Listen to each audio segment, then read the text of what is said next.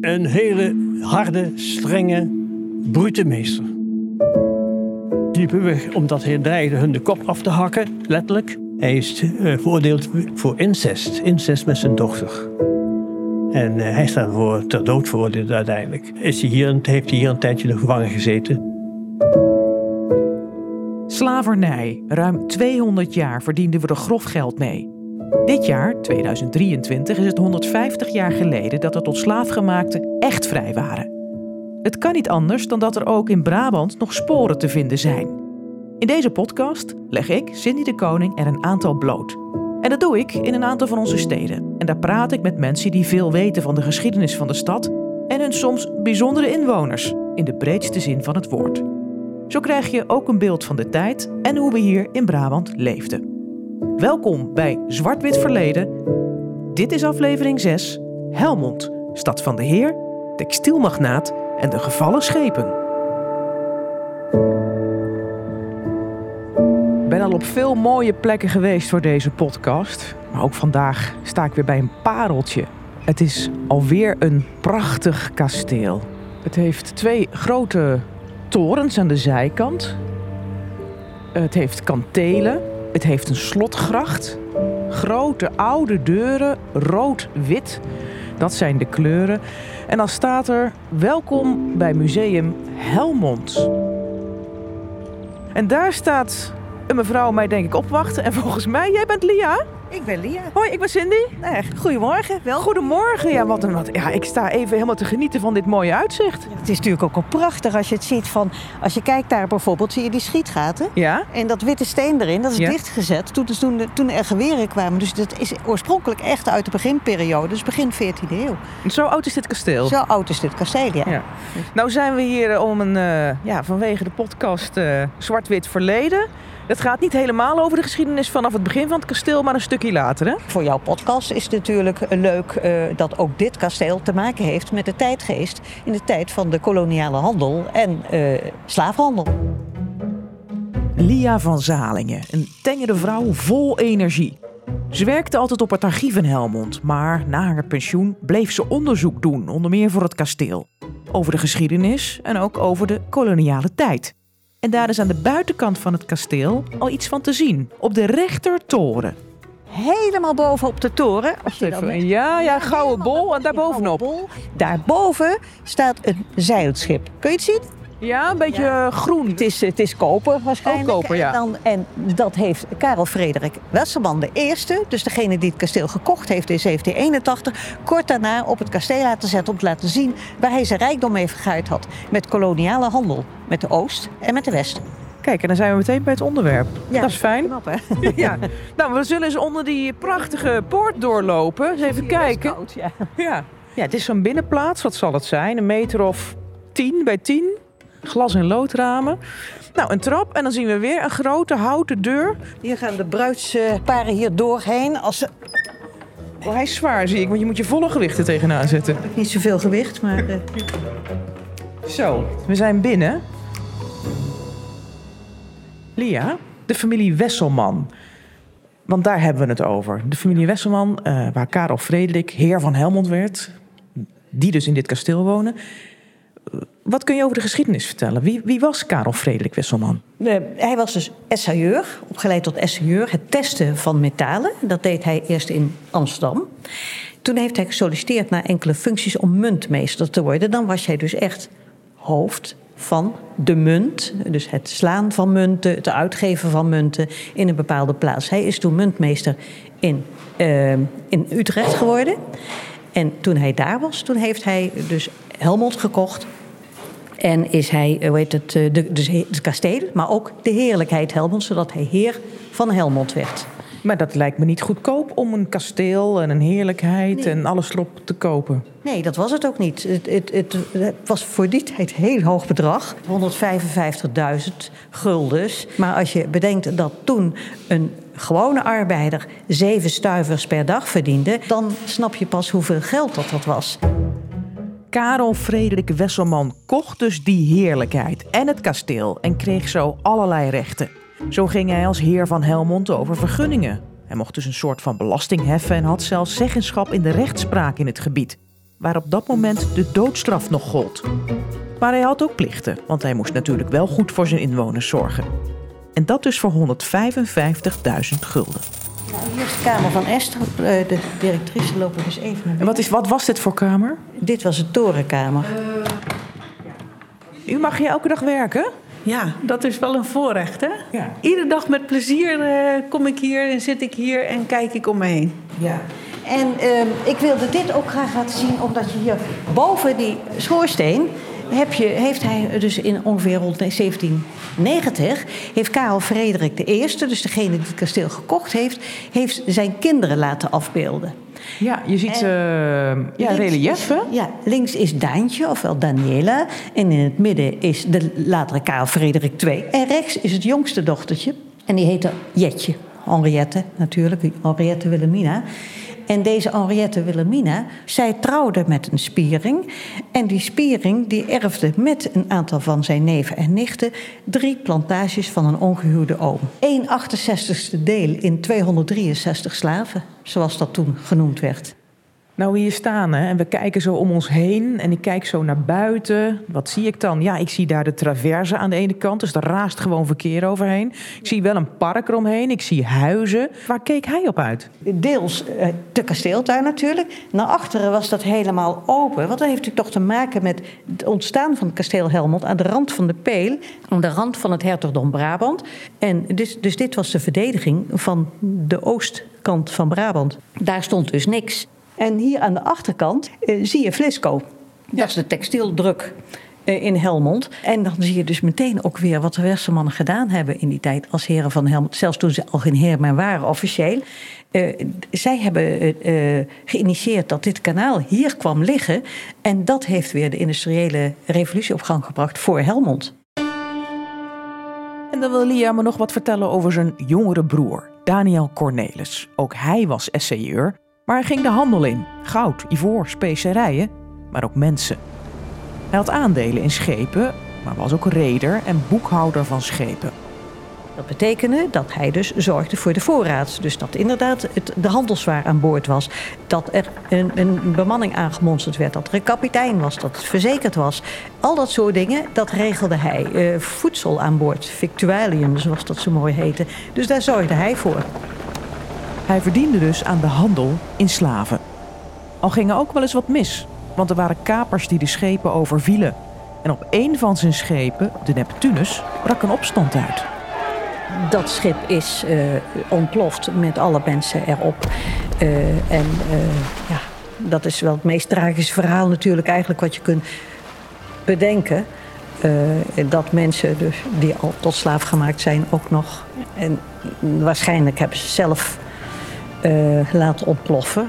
En eh, ja, dan denk je van mensen tot in de dood toe inderdaad... om te voorkomen dat ze weggevoerd werden. Dan waren het broers. Die eh, had ook een functie hier in Helmond. Hij was drossaard. Hè, dat had hij geschonken gekregen door zijn broer Karel Frederik. Ehm, maar kwam die dan ook hier dat, dat beroep, zeg maar, officier van justitie uitoefenen? Nee, eh, het wordt wel vaak gezegd van, eh, van maar ik, het is een van de laatste dingen die ik onderzocht heb. Ik heb alle archiefstukken uit die tijd nagekeken. Niet één rechtszaak is hij bij betrokken. Hij had een stadhouder benoemd die eh, de mensen aanhield en die ze ondervroeg. En zo het in de rechtbank kwam, was er een procureur die namens hem het proces voerde. Dus hij kreeg wel de inkomsten, maar eh, heeft er zich verder niet mee bemoeid. De Wesselmannen zijn nog lang blijven wonen in het kasteel. De oudste mannelijke telg van een generatie wordt dan steeds Karel Frederik genoemd. De weduwe van Karel Frederik IV bleef er wonen totdat ze het in 1921 verkocht aan de gemeente.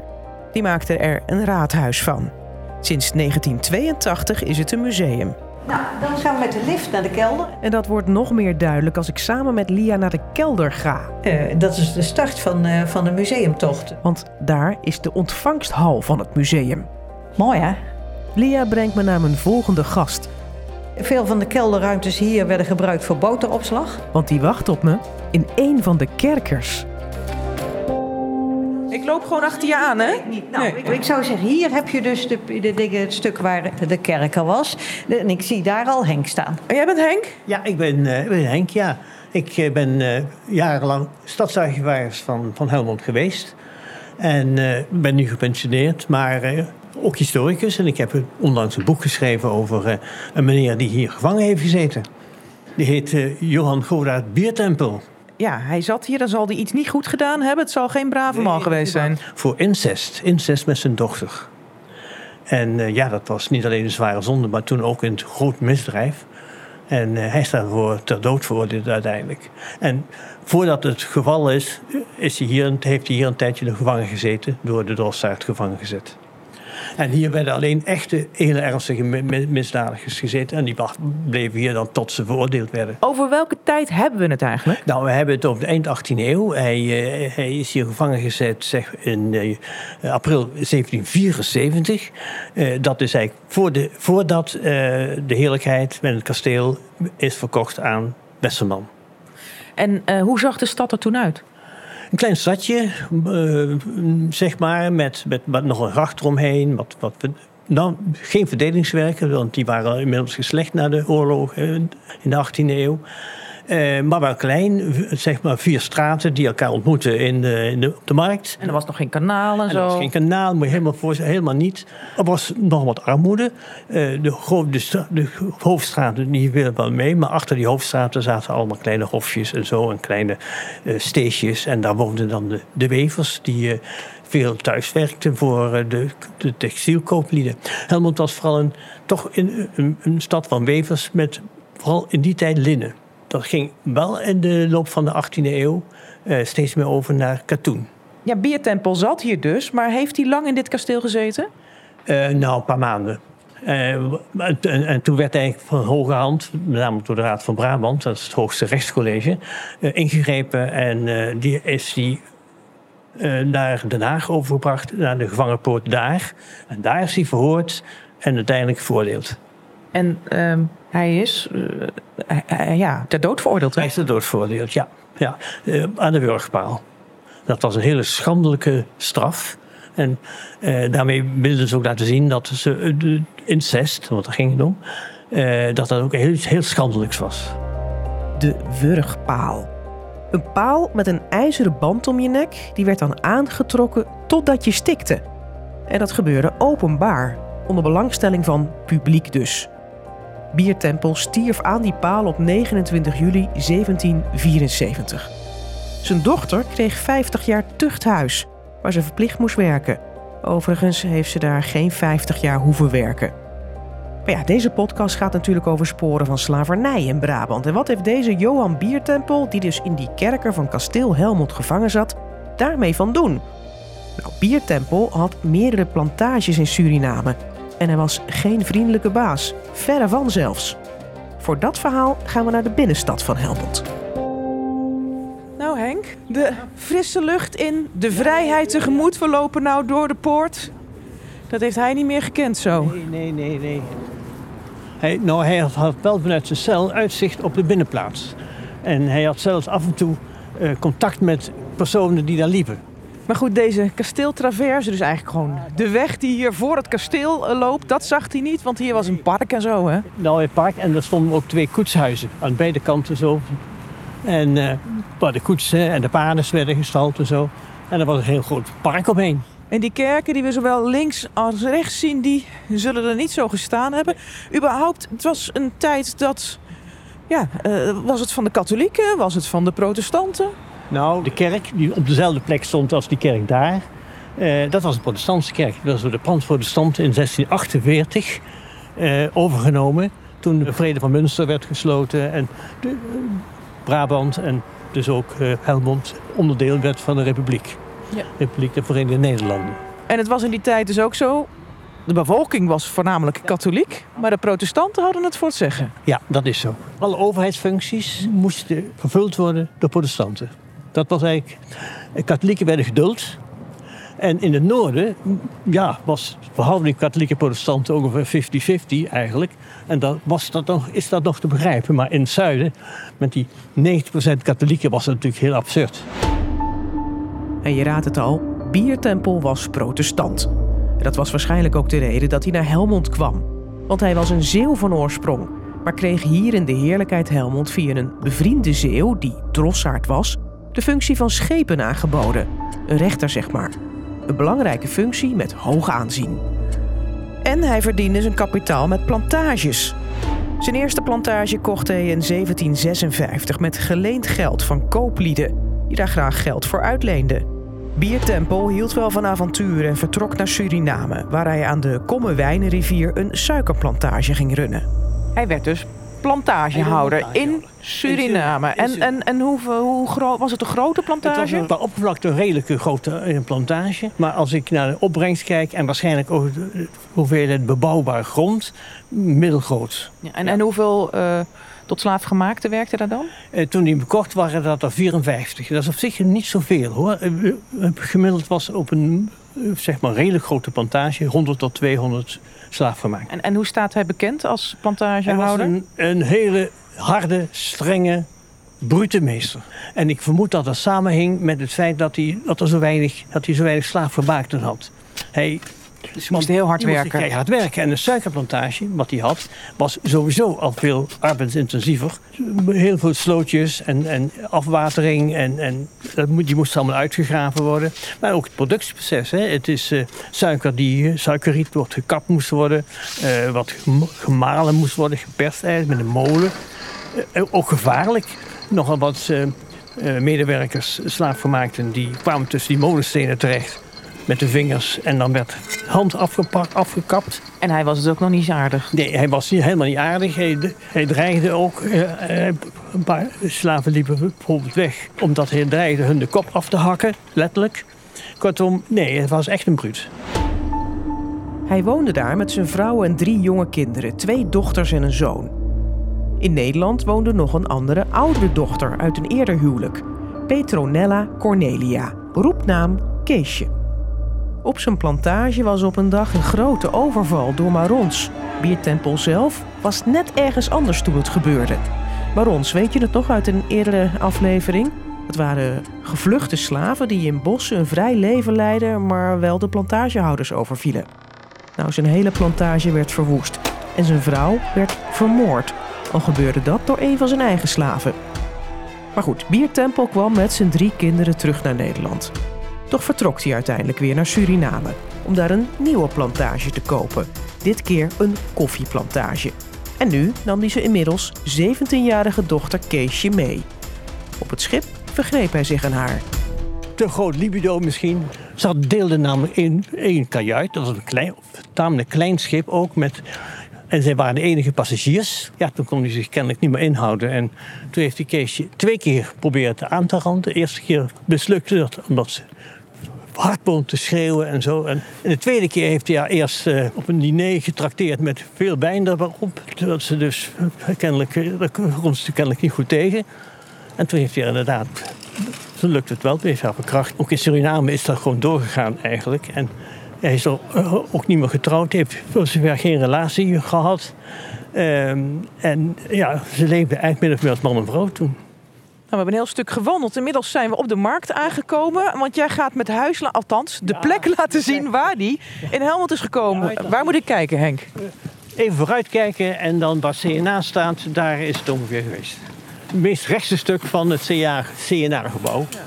Op nummer 39, dat is eigenlijk uitgezocht. En omheen staan nog wel eh, statige huizen. Vooral aan de overkant zie ik toch wel huizen op stand. Ja, dit was eigenlijk in de, ja, de 18e eeuw nog het eh chique centrum van Helmond eigenlijk. Hier woonden de, de, de rijken, de kooplieden, de, eh, de invloedrijke mensen. Dus als je hier woonde, dan woonde je echt op stand. En hoe, is er iets bekend van hoe hij in de stad viel? Want hij woonde hier dus met... eh, met zijn dochters, hè? Ja. ja. En- En ook met Er Kees. gingen al redelijk snel geruchten dat, eh, ja, dat eh, hij eh, toch eh, wel erg intiem met zijn oudste dochter omging. Hij had natuurlijk een werkster en huishoudster en wasvrouw ook. En eh, die, ja, die, babbelde nog wel eens rond. En vertelde ook wel dat ze Biertempel wel eens heel innig met zijn dochter op een bankje had zien zitten. Eh, dat zij op, zijn knie zat en dat ze wel heel intiem waren. Op een gegeven moment eh, blijkt dat Keesje zwanger was paniek eigenlijk even. Nou, en toen heeft hij haar naar Amsterdam gebracht. Om, eigenlijk om abortus te plegen. Dat is niet gelukt, hè? Dat is niet gelukt. En toen is ze daar uiteindelijk toch, eh, heeft ze, is bevallen van, een- van een zoontje. En wat is daarmee gebeurd? Dat zoontje is, ehm, ja, dat mocht ze natuurlijk niet zelf houden. Eh, dat werd ehm, uitbesteed tegen betaling. Paar betaalde dus aan een, ja, een echtpaar die dat wil, voor betaling wel wilde doen. En te- het zoontje is vroeg overleden. Hij is wel vroeg overleden. Ja, is, eh, na een paar maanden heb ik gezien, is hij begraven, overleden en begraven in, eh, in, in het eh, kerkhof in, eh, in Amsterdam. Het zal wat geweest zijn eh, hier in Helmond in het geruchtencircuit. De, Ja, de, de rechter die zelf berecht wordt Ja, om zo'n grauwelijke misdaad, Ja, zoals ze ja. het noemden. Ja, en zeker omdat hij ook nog protestant was. Hè? Want name de hele kleine protestantse gemeenschap, want hoeveel zullen het er zijn? 30 mensen misschien?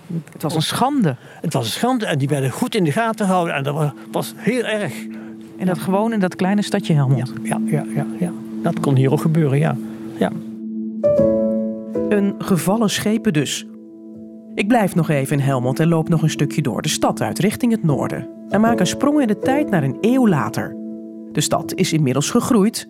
Het is de tijd van de industriële revolutie. We beginnen dan ook een nieuw verhaal. Het verhaal van de invloedrijke familie Bots.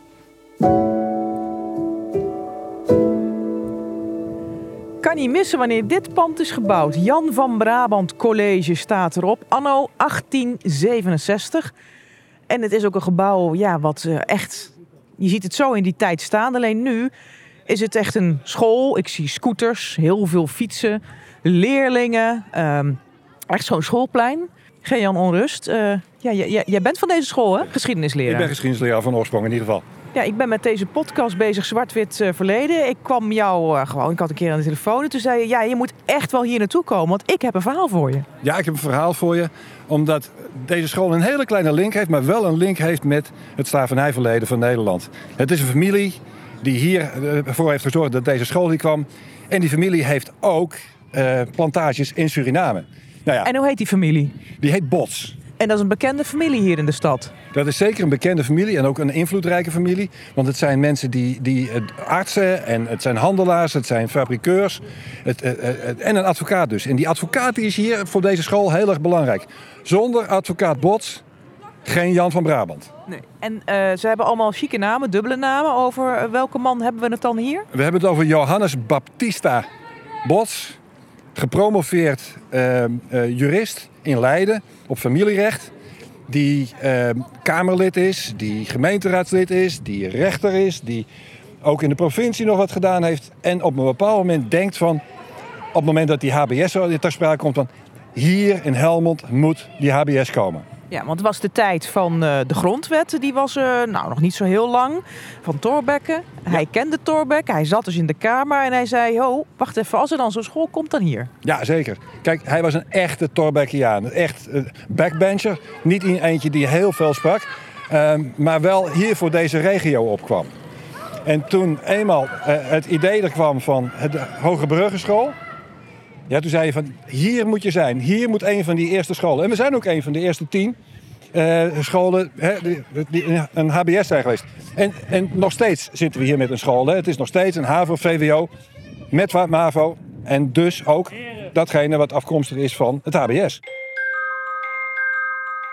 Oké, dus het huidige Jan van Brabant College in Helmond was er dus nooit gekomen zonder die Johannes Baptista Bots. Kom binnen.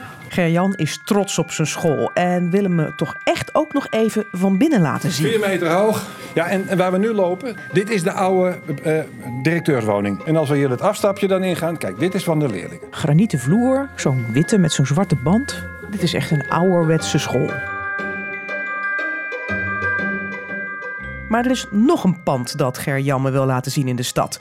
Het huis met de klok aan de Zuid-Willemsvaart. We zeggen de school vaarwel. Nou, ik in ieder geval wel. Eh, jij komt hier vast weer terug. Ik heb nog een klusje vandaag. We gaan een stukje wandelen. We gaan een stukje wandelen. We gaan de andere kant van de stad. Dus eigenlijk, we zitten nu ei- net buiten het oude centrum van de stad. En dan lopen we helemaal naar de andere kant. Naar de Zuid-Willemsvaart. Naar het huis met de klok. Dat is een huis wat daar is neergezet door een stamvader voor een van zijn zonen. Eh, daarnaast staat ook nog een, een pakhuis. En dat pakhuis is zeker gebruikt voor de handel van die familie. Handel in textiel. Zo, we wachten op het groene licht. Hoe, hoe komt het eigenlijk dat je op dit verhaal gestuurd bent? Nou, er was iemand die schreef iets en waar ik op reageerde. En die schreef, eh, slavernij is niet in Brabant. Daar heeft Brabant niks mee te maken. Toen dacht ik van, ja, dat kan je niet zo zeggen. Daar moet je eerst onderzoek naar doen. En als je dat doet, dan vind je zeker ook hier in Brabant iets. En vandaar las ik iets over een familie Bots. En toen dacht ik van, hé, hey, die, die naam die ken ik. En die naam heeft iets te maken met het begin van onze school. Nou, dat bleek dus te waar te zijn. En het was dus eh, de zoon van, hoe heet eh, de- de vader die eh, een grote handelaar was hier? Jo- Johannes Albertus Bots is handelaar en fabrikeur in textiel. Ja. En ook nog andere, andere goederen. Hè. Dat, zo werkt dat in die tijd. Die mensen proberen gewoon geld te verdienen. En dat hoeft niet alleen maar de, de katoen te zijn. En hij is vader van eh, Johannes Baptista, de man van, die, die met de school te maken heeft.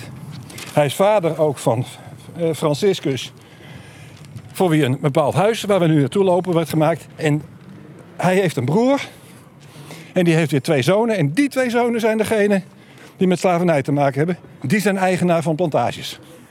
En ik vermoed zomaar dat de, de spullen waar hij in handelt, dat toen die hij hier naartoe haalt, dat die van die plantage komen. Dat zou heel goed kunnen, maar, maar dat kan ik niet met zekerheid zeggen. Het zou natuurlijk heel raar zijn als je familie dat soort dingen produceert. eh, Dat dat niet naar de eigen eh, familie toe gaat en dat daarin gehandeld wordt. Maar zeker weten doen we niet. Ja, we zitten in de 19e eeuw inmiddels. Dat is toch de tijd van de industriële revolutie, hè?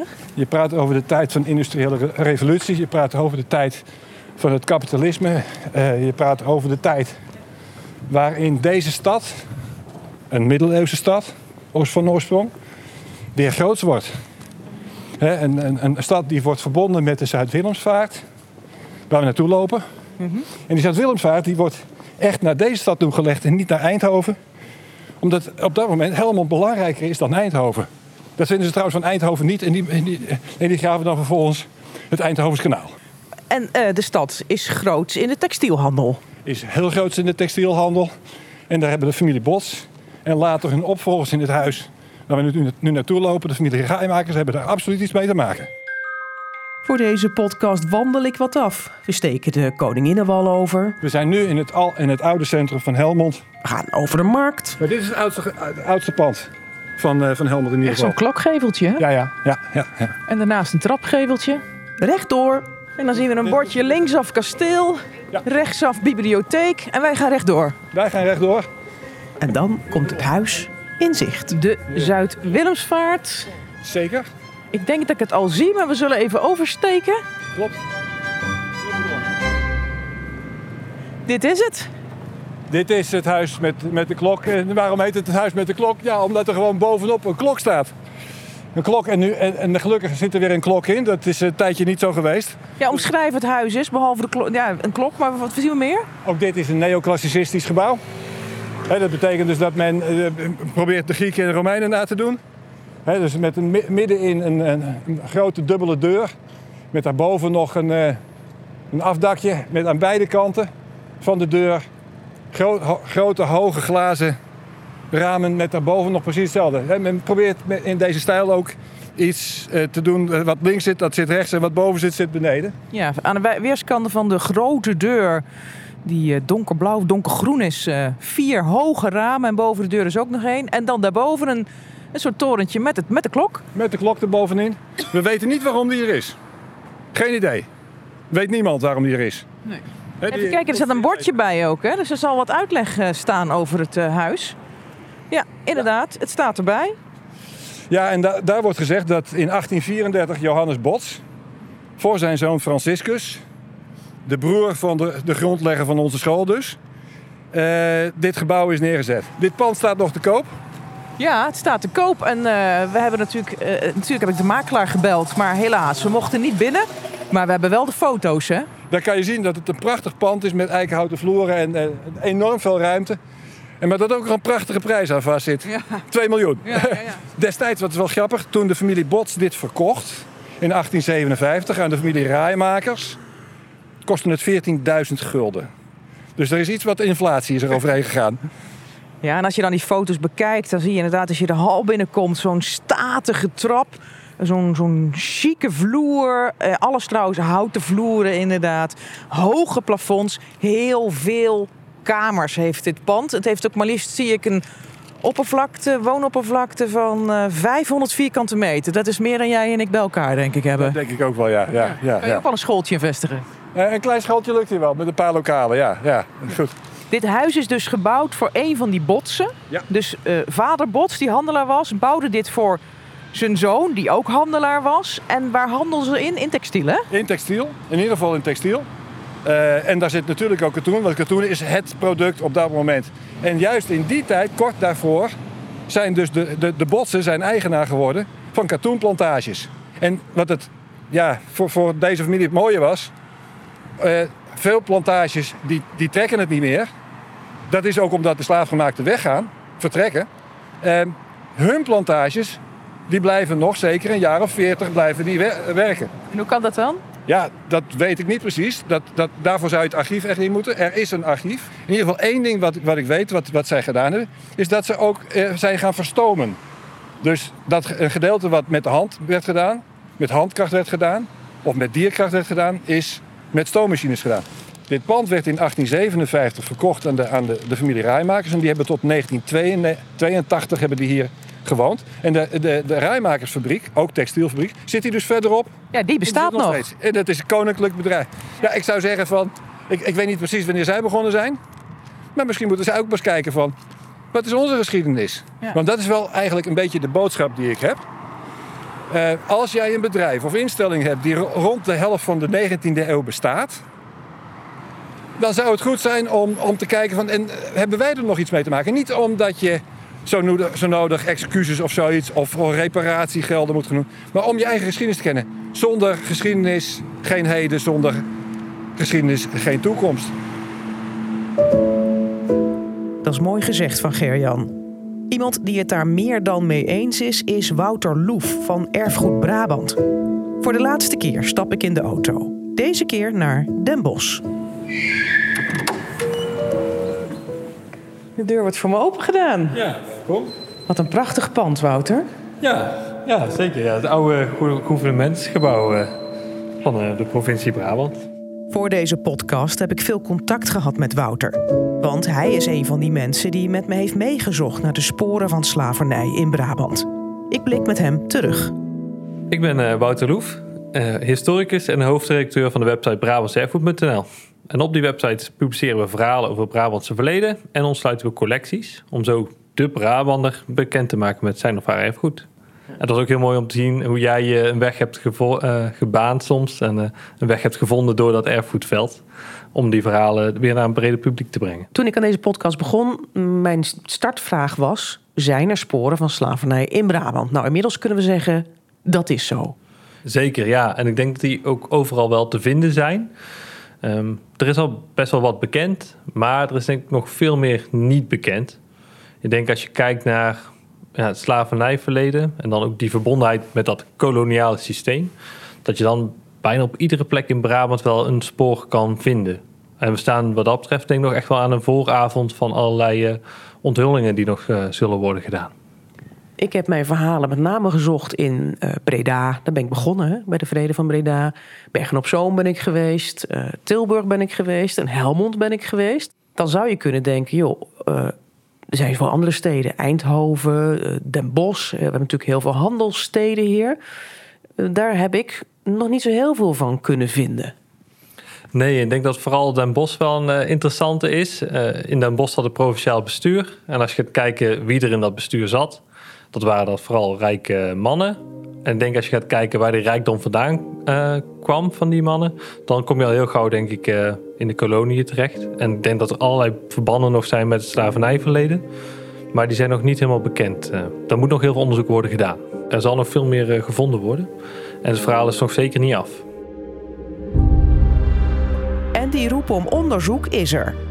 Het Van Abbe Museum in Eindhoven is zelfs al bezig, net als Van Landschot bankiers uit Den Bosch. Tilburg is begonnen en Breda wil het. Zelfs de koning laat onderzoek doen naar het eigen koloniale verleden. Als je weet waar je moet zoeken, dan komen er vast nog veel meer verhalen uit onze hele provincie. Ik ga ze in ieder geval met belangstelling volgen. Want voor nu zit mijn zoektocht erop. Want dit was de laatste aflevering van deze podcast Zwart-Wit Verleden, die ik maakte voor Omroep Brabant. Het waren bijzondere maanden. En ik ben op veel plekken geweest waar ik als het ware echt terug in de tijd stapte. En soms ook echt de geschiedenis mocht aanraken. Zoals dat doopboek uit 1772 van Anna en Laloep. Oh ja, Bovenaan de pagina. even kijken of ik het kan lezen. Den eersten met de naam van... Oh, dit is dan eh Loupe, denk ik. Christian Africanus. De andere met die van Anna Elisabeth van Chatillon. Maar dit is dus het bewijs. Dit is het bewijs. Ja. Ja. En het boek van Stedman uit 1795. Poeh, even kijken. Een afbeelding die er niet om ligt, hè? Een slaaf hangend aan een, ehm, aan een galg. Waarbij eh, eh, hij is niet met zijn nek opgehangen aan die galg. Maar aan een vleeshaak doe je hem door de ribbenkast is geslagen. Het was mijn bedoeling om meer te leren over de tijd van de slavernij en ons koloniale verleden. Maar ook om via de personen die we bespraken meer te snappen van hoe het toen geweest moet zijn. En ook maakten we natuurlijk kennis met Brabant zo tussen 1667 en 1900. Wat mij betreft is dat gelukt. In deze podcast vertellen we verhalen zo goed als mogelijk. Ieder verhaal heeft natuurlijk meerdere kanten. Wij kiezen geen kant. Dat mag je zelf doen. Ja, deze podcast was er natuurlijk nooit gekomen als niet al mijn enthousiaste gasten hadden meegewerkt en meegezocht naar die verhalen uit Brabant.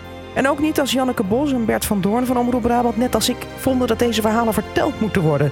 Om zo meer te leren over onze geschiedenis. Vind je dit een podcast die door meer mensen beluisterd zou moeten worden? Geef het dan een like. En reageren kan altijd via podcast.omroepbrabant.nl. Bedankt voor het luisteren.